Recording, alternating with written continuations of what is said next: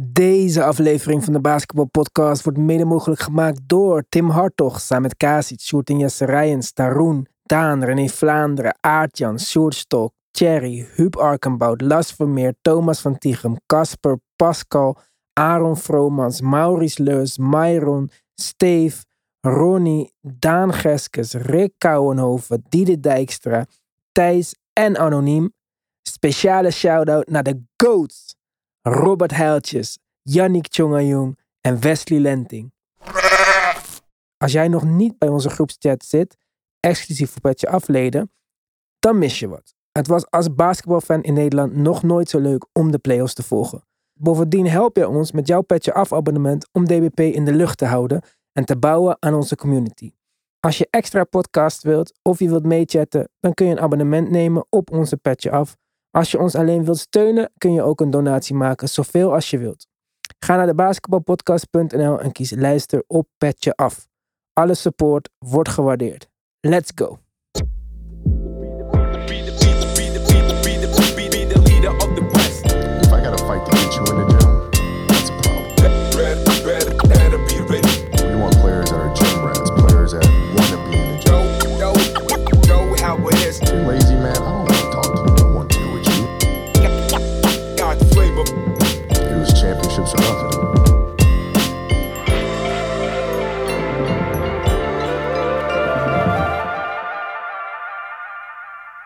Ik ben benieuwd of we deze playoffs over een paar jaar zullen herinneren als de blowout-editie. Misschien is het toch een idee om wat meer dagen rust in te lassen tussen wedstrijden. Er zijn nog maar vier teams over, verspreid over twee series. En ook al is de uitslag vooraf telkens niet te voorspellen, na het eerste kwart weet je zo'n beetje wel waar je aan toe bent. In hoeverre de series überhaupt spannend waren, is vooral bij Golden State nogal de vraag. Ze hadden net zo goed al hun tegenstanders kunnen sweepen. De Warriors stonden 3-0 voor in Denver, 3-1 in Memphis en 3-0 in Dallas. Maar ze verloren alle drie hun close-out games on the road. Misschien gunnen ze hun thuispubliek eh, het feestje, of misschien reiken ze de serie graag iets uit omdat ze zo'n 10 miljoen verdienen aan tickets, versnaperingen en merchandise per home game. Wat het ook is, de Mavs wisten de zo gevreesde sweep te voorkomen en zo blijven de Nets het enige gesweepte team in de playoffs dit jaar. Er waren een aantal mooie aanpassingen van Kit en Kokoskov deze wedstrijd. Golden State speelde weer verschillende varianten van een zone defense, waaronder de misschien meest basic versie, box and one. En Dallas had daar de voorgaande wedstrijden veel problemen mee. Helemaal toen hun drie niet viel.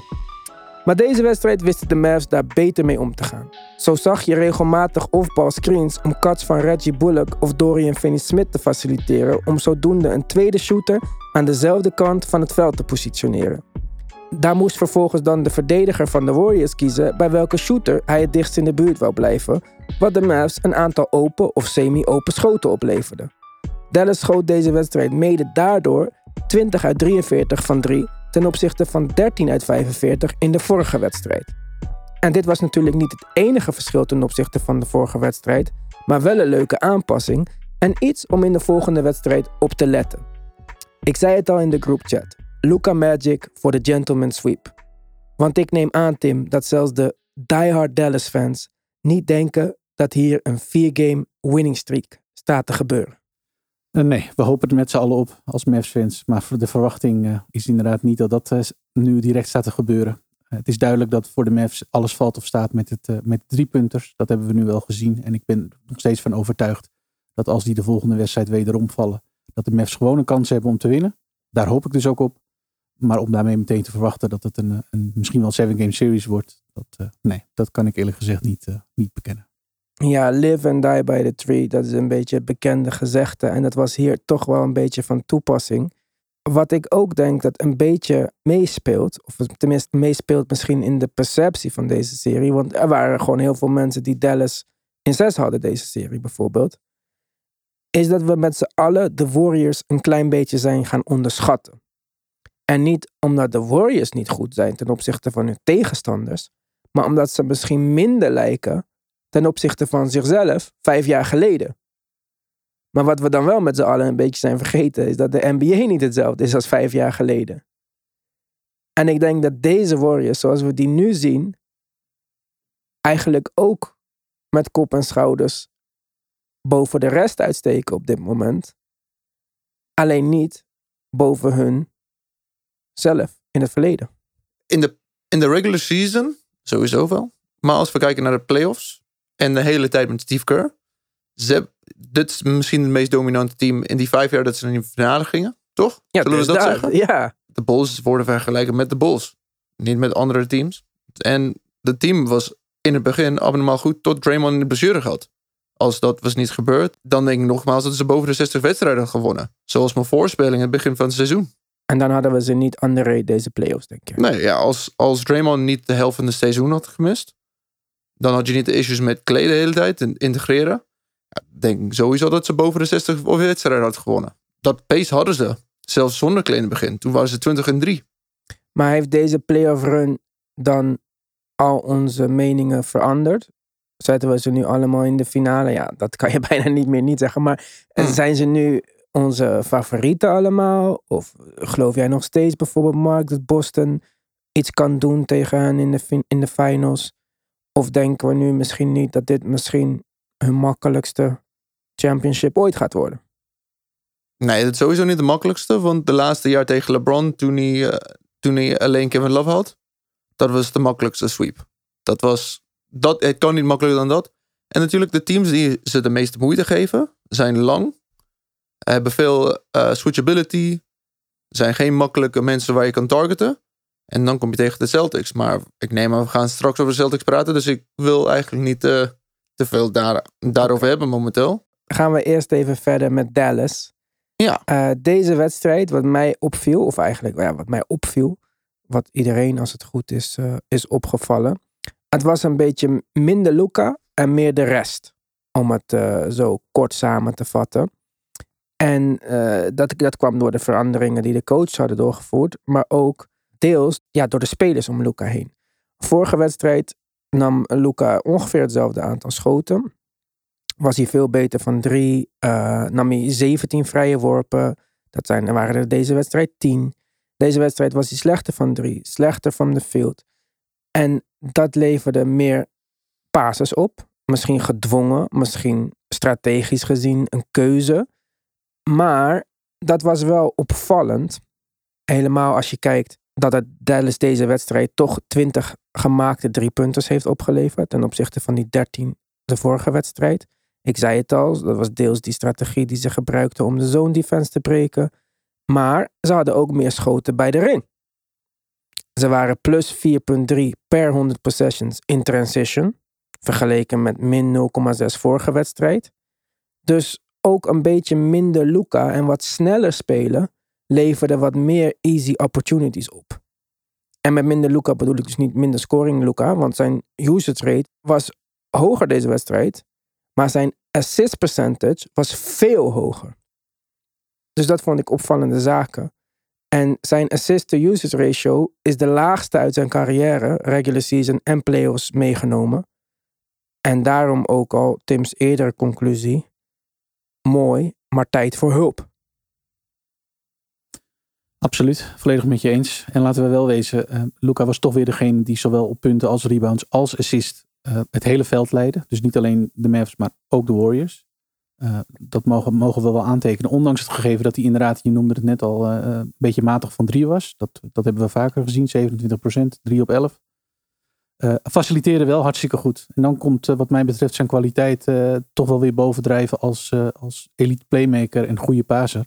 En als je dan eh ploeg, ploeggenoten om je heen hebt die, waarbij de drie's wel vallen. Ja, dan zie je wat mij betreft, zoals ik de Mavs het liefst zie. Luca leidt. Luca leidt wel.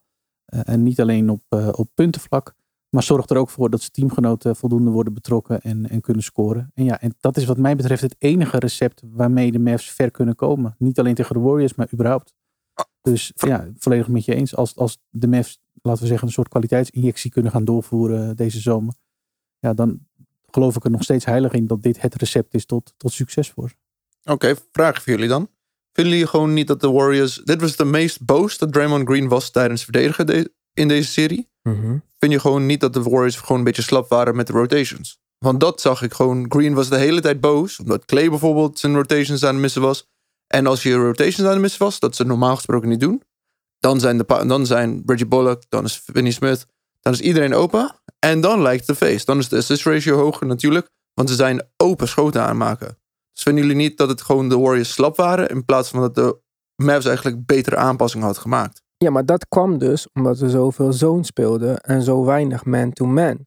En door al die cuts van Mavericks en al die off-ball screens overloaden ze steeds de weak side van het veld. Waardoor je die twee schutters naast elkaar had aan dezelfde kant. Heel vaak met Dorian Finney-Smith en, hoe heet die andere guy? Bullock. Bullock. Bullock, moet ik zeggen, geloof ik, eh, volgens de Bullock zelf. Maar eh, ik kan dat niet. Dus eh, dat ga ik ook niet doen. En dan had je elke keer de defender, wie het ook was. Kuminga had daar het meest moeite mee, denk ik, van iedereen. Die dan te twijfelen, bij wie moet ik het dicht blijven? En dan was er altijd iemand semi-open. En de Warriors reageerden daar weer niet snel genoeg op, totdat ze weer man-to-man gingen spelen. Of een kleine aanpassing maken in de box en one. Of eh 1-2-2 of whatever the fuck je het wil noemen. Maar ehm, ja, ik denk dat het wel echt een strategische aanpassing was. Want dat was ook wat het succes en de open threes creëerde deze wedstrijd. Ten opzichte van de vorige wedstrijd. Waarin ze gewoon veel minder open threes hadden. En de open threes die ze hadden veel meer afhankelijk waren van een Luca-actie om dat te creëren. Of een double team op Luca. Dus ik vond dat wel in deze instantie echt een aanpassing van de coachingstaf van Dallas. Ik heb, hem, ik heb het ook gezien en ik zag aan de andere kant ook, en volgens mij noemde je dit net ook al, al een keer eerder. Um, Luca, zijn schoten vielen niet van buitenaf en uh, trok wat mij betreft vaak goed naar binnen. Um, niet alleen om te pasen, maar ook om te scoren. En ja, dit is een onderwerp wat natuurlijk al eerder uh, aange, aangekaart is. Het is overigens niet zo dat daarmee uh, de, de Mavs de points in the paint wonnen. Die verloren ze zelfs. Ja, maar die verliezen ze altijd. In percentueel gezien ja. waren ze alleen zo wat verdubbeld uh, ten opzichte van voorgaande wedstrijden. Ja, want omdat ze natuurlijk aan de andere kant eigenlijk hetzelfde probleem hebben. Maar uh, ik vond dat Luca dat wel goed deed. En overigens de teamgenoten ook wel. Maar ja, dit is wat mij betreft wel iets wat, uh, waar, de, waar ze de Warriors op kunnen pakken natuurlijk. En dat had succes deze wedstrijd. Dus ja, ik, ik, vond, dat, ik vond dat ze goede aanpassingen deden. Hoe, hoe sustainable die aanpassingen zijn en hoeveel succes dat in de serie gaat opleveren, lijkt me van een heel andere discussie. Uh, uiteindelijk lijkt het me zo dat de Warriors gewoon nog in control zijn. En, en ik denk dat de prestatie die de Warriors leveren, of laten we zeggen het niveau dat zij halen aan beide kanten van het veld, uiteindelijk gaat bepalen hoe lang deze serie duurt. Ik denk dat we met z'n allen uh, zo eerlijk moeten zijn. Maar in deze wedstrijd was het wat mij betreft uh, een hele goede aanpassing van de maps. Ja, maar dat is ook wat we constant zien, toch? Wedstrijd per wedstrijd aanpassingen. En uh, dat is dan het enige wat het uh, soort van leuk maakt als neutrale kijker. Want door die wedstrijd naar wedstrijd aanpassingen krijgen we dus om de beurt een blowout uh, in bijna alle series. Ja. Op deze na dus, waar het bijna een sweep leek te gaan worden. Maar ja, ik ben ook benieuwd. Ik zou het natuurlijk leuk vinden als er nog een wedstrijd wordt gestolen in San Francisco. Maar ik heb het al in de groupchat gezegd. Ik denk dat we naar een gentleman sweep toe gaan. Uh, ik zei eerder, of jij zei eerder, kwaliteitinjectie bij de Mavs. Dat is wat nodig is. Daardoor wil ik jou graag uh, twee off-season acties voorstellen. In deze mag jij samen met Mark het front office uitmaken van de Dallas Mavericks. En ben ik alle andere franchises plus een adviseur. Het grote probleem voor mij is de rim protection. Met alle respect voor Dwight Powell, die vast dingen goed zou kunnen. Ik heb ze niet gezien deze wedstrijd. Niet deze wedstrijd, deze serie, deze playoffs. Dus rim protection moet er komen. Ik ben steeds colder op dat idee van Rudy Gobert. Omdat ik na Dallas gekeken te hebben, meer gaten heb gezien die moeten worden opgevuld. Dus ik heb meer cap space nodig voor andere dingen. Ik dacht misschien een rim protector alleen en run it back en la la la. Dus, dit zijn mijn voorstellen. Ten eerste, resign maar dan Jalen Brunson. Ik wil het niet, maar ja, laten gaan, dan moeten we dat weer vervangen. En daar heb ik geen zin in. Dus resign hem. En dan de eerste, sign and trade.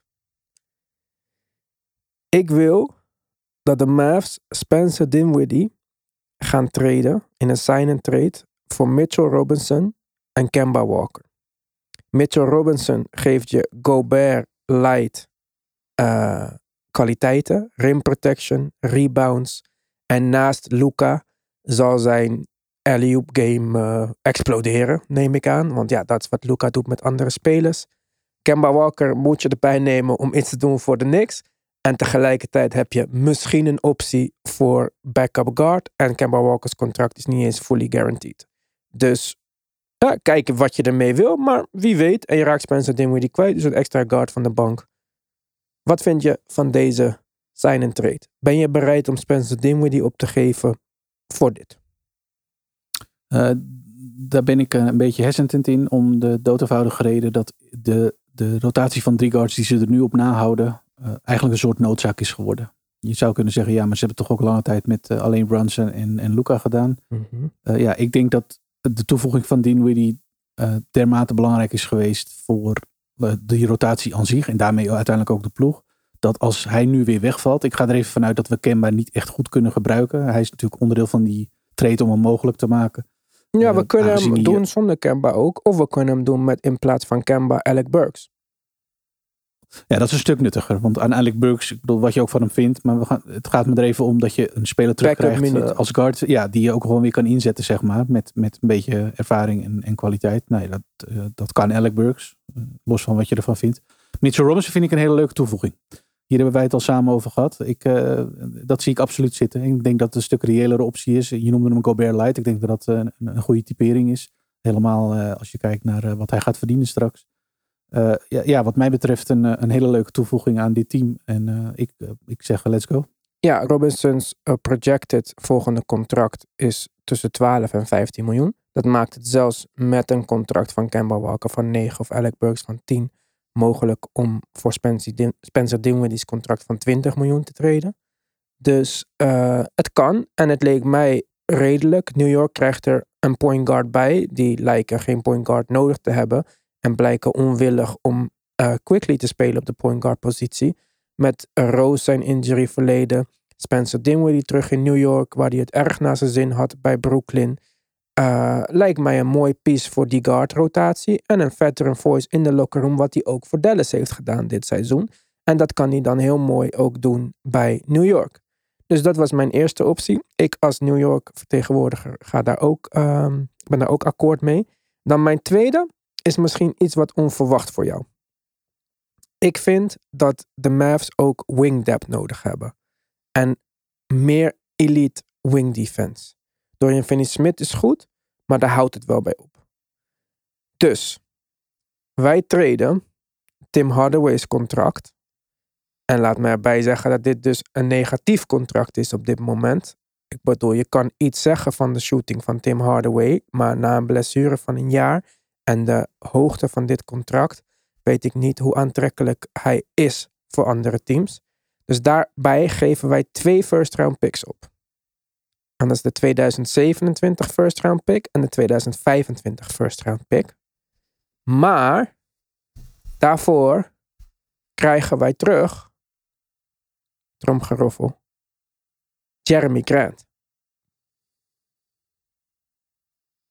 Het is mogelijk, contractueel gezien. De trade is een succes. Je moet er wel twee first round picks voor opgeven, want je hebt een negatief contract.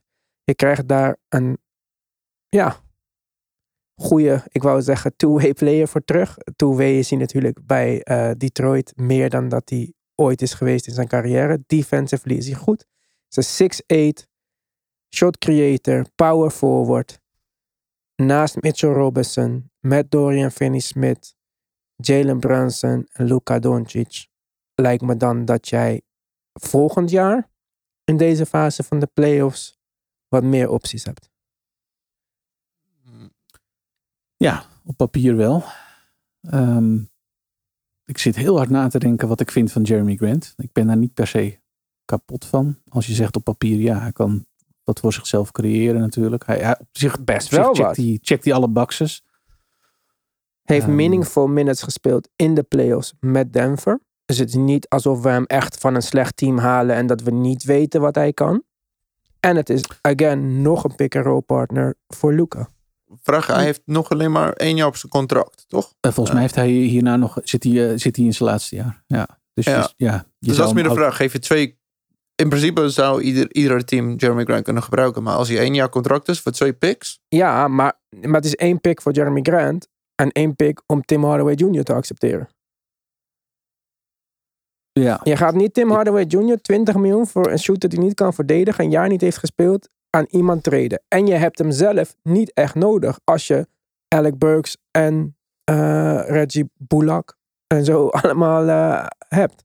Je wil iets doen voor volgend jaar. Jullie hoeven het niet te doen. Ja, ik, eh, misschien moet ik even aan het idee wennen. Laat ik het zo zeggen. Ik vind, maar ik vind twee picks opgeven voor een speler, die ze welke speler dat ook mogen zijn. Zijn laatste jaar van zijn contract ingaat, vind ik eh, een hele erg win-now move. En dan zou je dus eh, volledig moeten gokken op, eh, op, laten we zeggen, groot succes volgend jaar. Voor één pick ga je hem niet krijgen. Assets heb je niet om te traden. Kijk, als jij twee jonge spelers voor hem kon traden, ja, dan was het een ander verhaal. Maar die heb je simpelweg niet. Dus dan moet je picks opgeven. Één jaar contract of niet. Ja, dat ben ik met je eens. En dat is de uitdaging die de Mavs überhaupt hebben. Vrij weinig assets. Ja. Ehm, maar die eerste vond ik, eh, daar was ik een stuk meer van overtuigd. Ja. Goed, gaan we verder met die andere serie. En zometeen op petje af zullen we het dan gaan hebben over de All-NBA-teams die zijn verkozen. Maar eerst even Celtics Heat. Celtics schoten 8 van 34. Dat is 23,5% van 3. En ze wonnen met 20 punten. Kijk, Mark zit al met een eh verontwaardigde, een beetje glimlach over zijn gezicht. Van ja, dit heb ik toch allemaal voorspeld. En hij eh, kwam natuurlijk met allemaal statistieken aanzetten. Al op Instagram of hoe noem je dat? Twitter en in de groupchat Mhm. en zo. Maar Mark, was je iets wat verrast dat de Celtics zelfs met zo'n laag percentage van drie deze wedstrijd zo gemakkelijk in hun zak konden stoppen? Zal ik het zo zeggen? We hadden een paar podcasts geleden gezegd. Jimmy Butler in zijn return games, na een, wat blijkbaar een ernstige blessure is, scoort minder dan 18 punten per wedstrijd. En dan als dan je tweede beste scorer, in de vorm van Tyler Hero, ook niet speelt. Mhm. Maar de Oladipo... Bijvoorbeeld als Boston, zonder, als Boston zonder een half Tatum en, en geen Jalen Brown zou spelen, had ik hetzelfde verwacht. Dus ik had, dit was gewoon te makkelijk te voorspellen, eerlijk gezegd. Te makkelijk. Nou, ik... Toch? Ja, als je twee beste spelers als de Lakers zonder LeBron en AD zou spelen, of, eh, maar ja, ik zou niet zeggen Harden en Embiid, of Maxi en Embiid zou niet spelen, ja, je weet wat gaat gebeuren. Onder de, acht- onder de 100 punten. Ja, maar ik vond wel ook dat de Celtics, ondanks dat hun drie niet viel, een paar dingen heel goed hebben gedaan. En wat ze vooral Mhm. deze wedstrijd heel goed deden, bijvoorbeeld, vond ik hun inverted screens. Dat een kleine speler screent voor een big. Wat een grotere, goede balhandler natuurlijk helpt aan een ja, fantastische mismatch. In dit geval Jason Tatum, die dat heel vaak deed, doordat Derek White voor hem screende. Jason Tatum tegenover de kleine man van de tegenstander kwam te staan. En in het geval van de verdediger van Derek White, niet een van de betere verdedigers van de tegenstander. En zo maximaal kon profiteren, helemaal in de midrange en in de short midrange. Waar Jason Tatum ook eigenlijk het beste tot zijn recht komt, natuurlijk. En dan is hij gewoon opeens weer die super big guy die over iedereen heen kan schieten. En op momenten zag hij eruit als baby Kobe of zo. Dus dat hebben ze gewoon fantastisch aangepakt. Terwijl ze hem easy looks voor hem gecreëerd. En eh, dat heeft ze naar mijn mening enorm geholpen.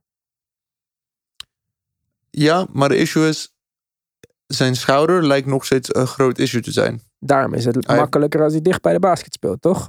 Ja, precies. Maar dat is nog geen winning formula elke wedstrijd. Want eh, hij was wel heel goed, maar de Miami Heat gaan aanpassingen maken. En hij heeft die drie nodig om meestal in een wedstrijd, dat is een get out of jail free card. Het is, Mhm. niet, eh, het is niet de midrange of naar de basket. Het is een get out of, het is meestal three dribbles between the legs en then throw the three up. Dat heeft, zo heeft hij game 6 gewonnen tegen de Bucks. En zo heeft hij game 2 en game 3 geëist tegen de, eh, tegen de Nets. Dus daar maak ik me grootste zorg dan. Want als hij aan het spelen is met deze slechte schouder, betekent heel, ja, eerlijk gezegd, daar maak ik me meeste zorgen van. Jimmy zal beter zijn vandaag. Ja, kijk, de Celtics eh, deden meer goed dan eh, deze aanvallende dingen. Verdedigend gezien, als we even kijken naar deze playoffs, hè? Naar de starters. Mhm. Smart, eerste in charges drawn. Brown, eerste in loose ball recovered. Loose balls recovered. Tatum, eerste in deflections. Horford, eerste in shots contested. En dan Robert Williams moet je een beetje de statistieken stretchen. Maar per 36, eerste in blocks. Allemaal hebben ze één All-NBA First Team vote ontvangen. En ze hebben de Heat het enige team ooit gemaakt die in de eerste zeven minuten slechts één field goal wisten te maken. Nou, niet slecht toch? Nee. Daarom moeten ze in de finale, toch? Anders gaat het de blowout zijn van de Warriors. Ja, kijk, jij had ze al in die finale gezet. Ik weet echt oprecht niet wat ik aan moet met deze serie. Als jij mij nu vraagt van wat is de voorspelling voor de wedstrijd die vannacht gaat plaatsvinden. De meeste mensen zullen dit morgen luisteren. Morgen hebben wij trouwens een petje af uitzending over die wedstrijd ook nog. Dus dan kunnen we gelijk kijken of wij eh, wel of niet gelijk hadden. Maar normaal vind ik het niet erg om een voorspelling te doen. Maar ik heb werkelijk geen idee met deze serie. Wat ik ook in de intro zei. Vooraf kan je het niet voorspellen. Maar na ongeveer 12 minuten kan je net zo goed de condensed game aanzetten. Want dan is het al gebeurd. Dus ik weet niet of jullie wel een voorspelling voor mij hebben voor de volgende wedstrijd.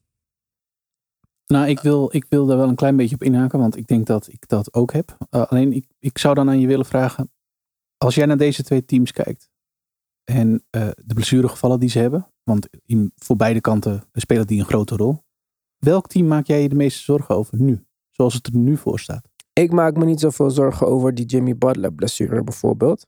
Ik denk dat deze tweede helft van hem niet spelen puur was om dit feit van dat we maar één wedstrijd, één dag telkens tussen elke wedstrijd hebben. Ik denk dat als dat twee of drie dagen zou zijn, zoals we dat in het verleden ook wel eens hebben gezien, vooral met het verwisselen van stad, dan zou hij misschien die wedstrijd hebben uitgespeeld. Ik denk dat met het oog op de rest van de serie hij die tweede helft heeft gerust. Wat Mark zei, hij was niet zo goed uh, in zijn comeback game na een injury. Maar het kan ook gewoon een random niet zo'n goede game zijn geweest. Net zoals de rest van de Heat. Want de enige speler die een plus was bij de Heat. En dan bedoel ik niet in box plus minus. Maar gewoon in mijn eye-test. Was Oladipo. En van hem zijn misschien ook de laagste verwachtingen. Dus die kan ook sneller wat goed doen. Maar die had volgens mij 16 punten in het eerste kwart. Of in de eerste helft had hij meer dan de helft van de Heat punten. Dus of ik me echt zorgen maak om die blessures. Dat denk ik niet. De eh, Celtics hebben al de hele playoffs gespeeld met Robert Williams om de wedstrijd wel of niet of helemaal niet aanwezig. En ze hebben het ook gered tot daaraan toe. Smart hadden, misten ze vorige wedstrijd toch? De belangrijkste speler, hart en ziel of het team. Winnen ze die wedstrijd. Dus ogenschijnlijk lijken die injuries bij Boston tot nu toe niet heel veel impact te hebben op de uitslag van de wedstrijd. Uh, de Heat zijn gewoon wat dunner. En helemaal wat dunner als het gaat om playmakers. En als een hero afwezig is, Lowry half er is en Jimmy Butler niet sterk is, ja, dan zijn zij misschien dan wel het team wat het meest leidt onder deze blessures. En met hun leeftijd het meest leidt onder deze één dag pauze tussen wedstrijden. Want het blijft gewoon een groot verschil of jouw core van ster spelers 25 gemiddeld zijn of 35. Helemaal met je eens.